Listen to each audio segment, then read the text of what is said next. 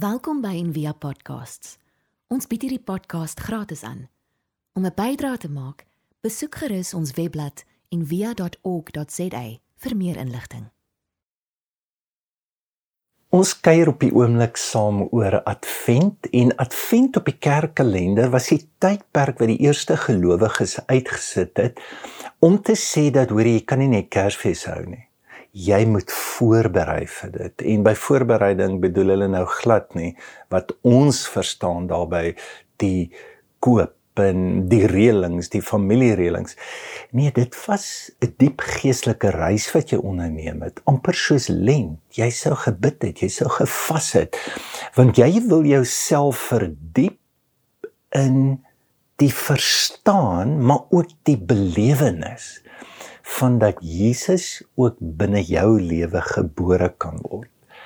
So ek het gedink vandag, kom ons praat oor die geslagsregister wat gekoppel word aan die geboorte van Jesus. Nou wie van ons lees geslagsregisters? Ek bedoel van die name kan jy amper nie se uitspreek nie. En wie is dit? Wat wat gaan nie aan? So Matteus wil dit vir jou gee en Lukas wil dit vir jou gee en jy voel amper maar moet ons nie maar nou by Markus nie want hy was die eerste evangelie. Hy het nie 'n geslagsregister of iets nie. Ons weet dit die ander skryf van hom af. En ons weet dit die ander verander ook hulle stories sodat hulle ook 'n beter aanklank by hulle gehoor kan vind. So die gedeelte in Matteus 1 van vers 17 sê en in Matteus skryf hy die geslagsregister so van Abraham tot Dawid 14 geslagte van Dawid tot ballingskap 14 geslagte van ballingskap tot Jesus se geboorte 14 geslagte. Ehm um, Lukas dink anderster want sy gehoor is Grieke. Matteus skryf vir Jode, so hy gaan aan hom by Adam. Hy begin by Adam. Sy geslagte is 30 jaar.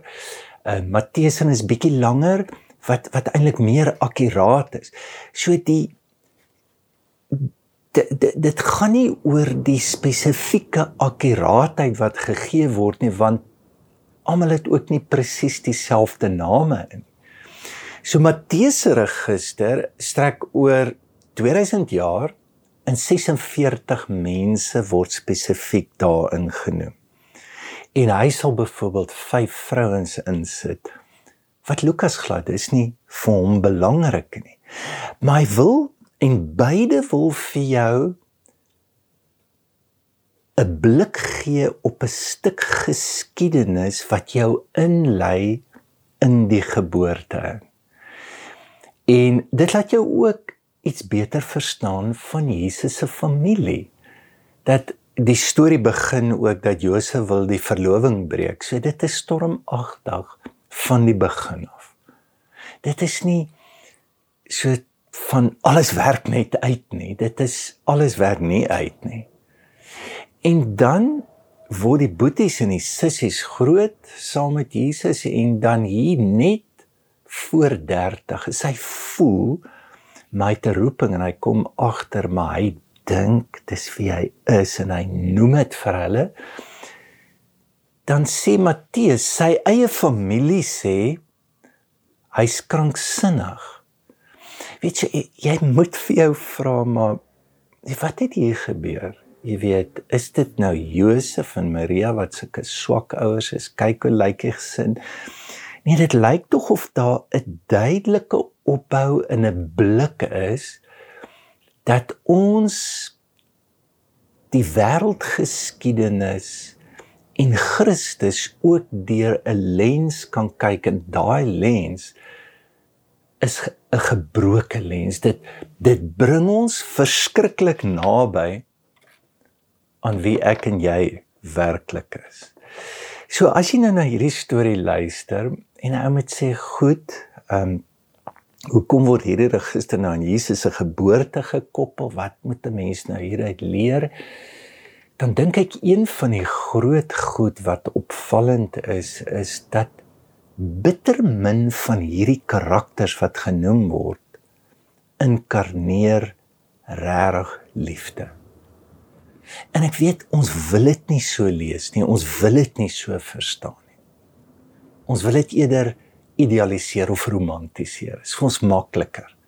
Ons wil Kersfees maak soos die mooi Kerskaartjies wat daar is.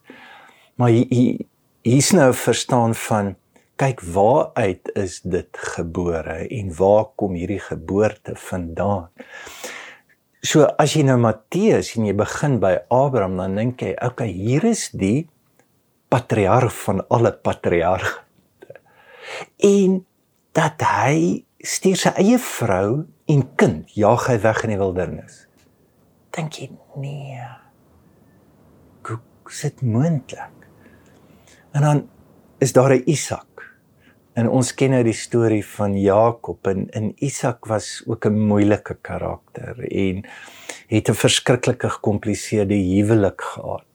En ons ken die hele storie van Jakob en Esau, die bedrog, die die meitery, die jy voel net okay maar is is dit die saadlyn, is dit die geslagslyn hierdie? En dan sal daar Josef. Ehm um, sy eie broers verraai hom. Is is dis die nasate. Ehm um, gaan gaan dit op 'n kol verander. En as jy van die konings lees, daar word 14 konings genoem en net 2 van die 14 het die Here gevrees. En dan wat baie interessant is vir Matteus, dan bring hy vyf vrouens in. Tamar, sy slaap by haar eie skoonpa, sy verwek 'n tweeling daar. Dis sien hierdie word genoem is in die bloedlyn. En dan is Ragab daar. Sy was 'n straatvrou. En dan is daar die geskiedenis van Rut, maar die probleem was Rut was 'n Moabiet. Hoe hoe werk dit?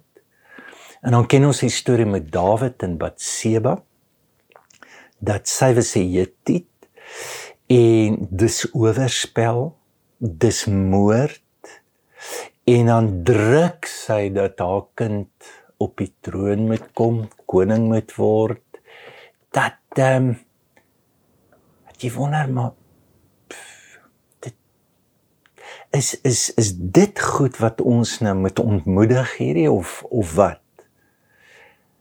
Ek dink nie regtig so nie. Ek dink dis geskryf om ons eerder te bemoedig en dit help ons om 'n blik op onsself op ons nasie op mense te kry van hoe dinge werklik is en as jy net dink aan die nasie van Israel jy en ek weet baie mense romantiseer Israel maar as jy hulle geskiedenis volg dan moet jy sê Hulle kolonialiseer. Dis wat hulle doen. Hulle vat wat nie aan hulle behoort nie.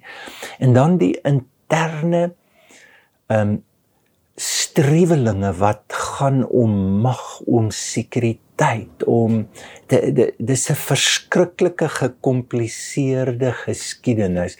En dan in hierdie storielyn is dit altyd die superryk, die adel en dan die armste van die armste en beide is in die geslagsregister. En dan as jy Matteus en lees en Lukas en dan kom jy op name wat jy glad nie, jy kry nie hulle. Jy weet nie wie jy jy kan hulle sê maar dit is is is persone wat eintlik maar niks is nie. Wie wie is hierdie mense? En hulle is deel van die geslagsregister. Ek dink is verskriklik belangrik vir ons om te lewe met die wete, met die oortuiging dat dat die Here kom na ons toe in ons gebrokenheid en in ons diepste nood en dat ons ons wil dit eintlik nie so lees nie ons wil ook nie ons eie lewens so sien nie Ons wil ons eerder perfek sien. Ons wil eerder dit waarmee ons sukkel wegsteek, ignoreer, onder die mat en vee. Ons wil soos Josef die verloving breek.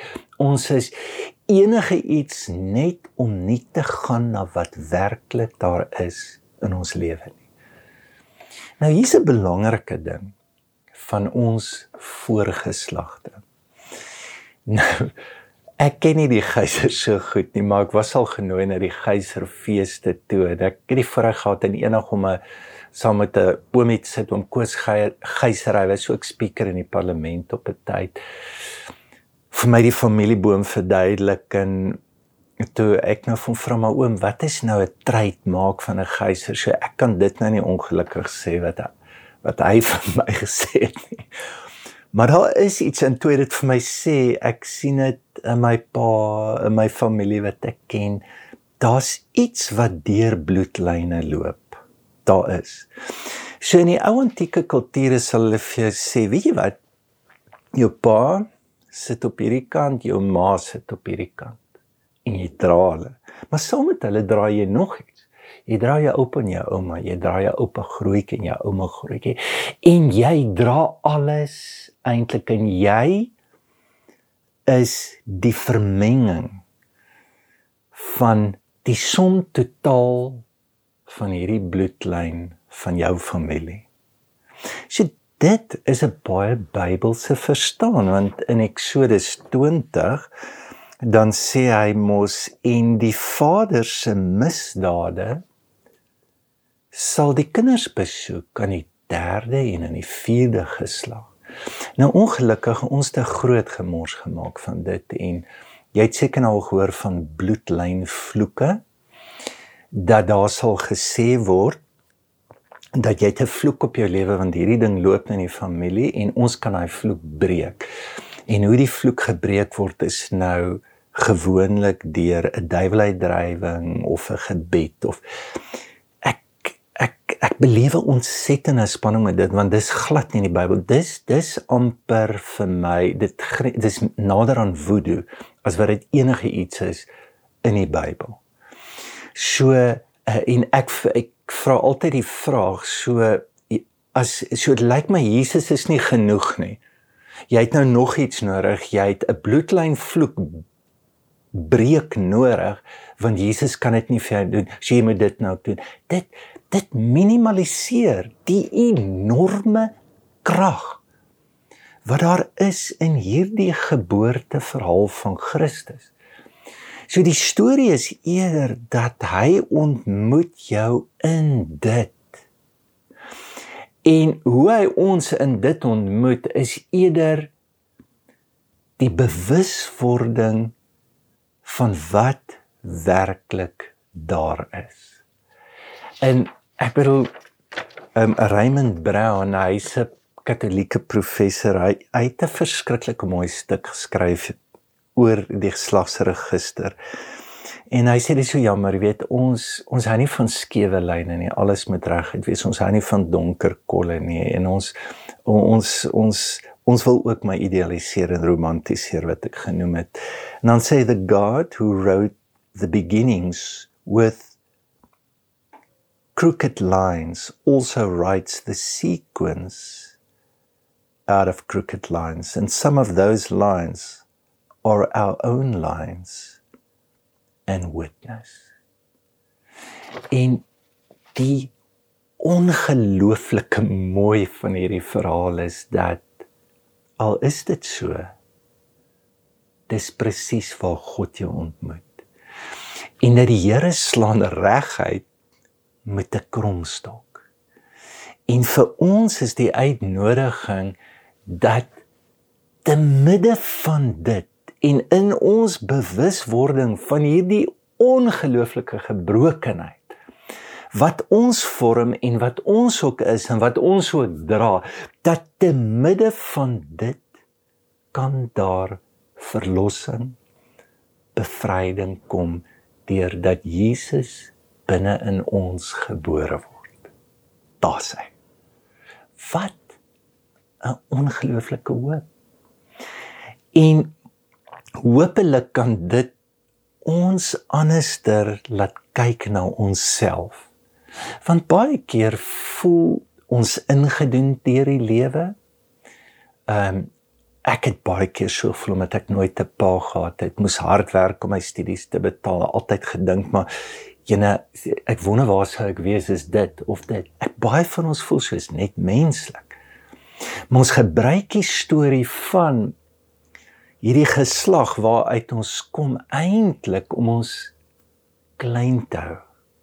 Om ons toe te hou, om ons vaste toe te sluit in 'n ou klein hokkie. En al wat Kersfees eintlik sê is, weet jy wat? Die hok is eintlik oop. Kom geen nie uit nie.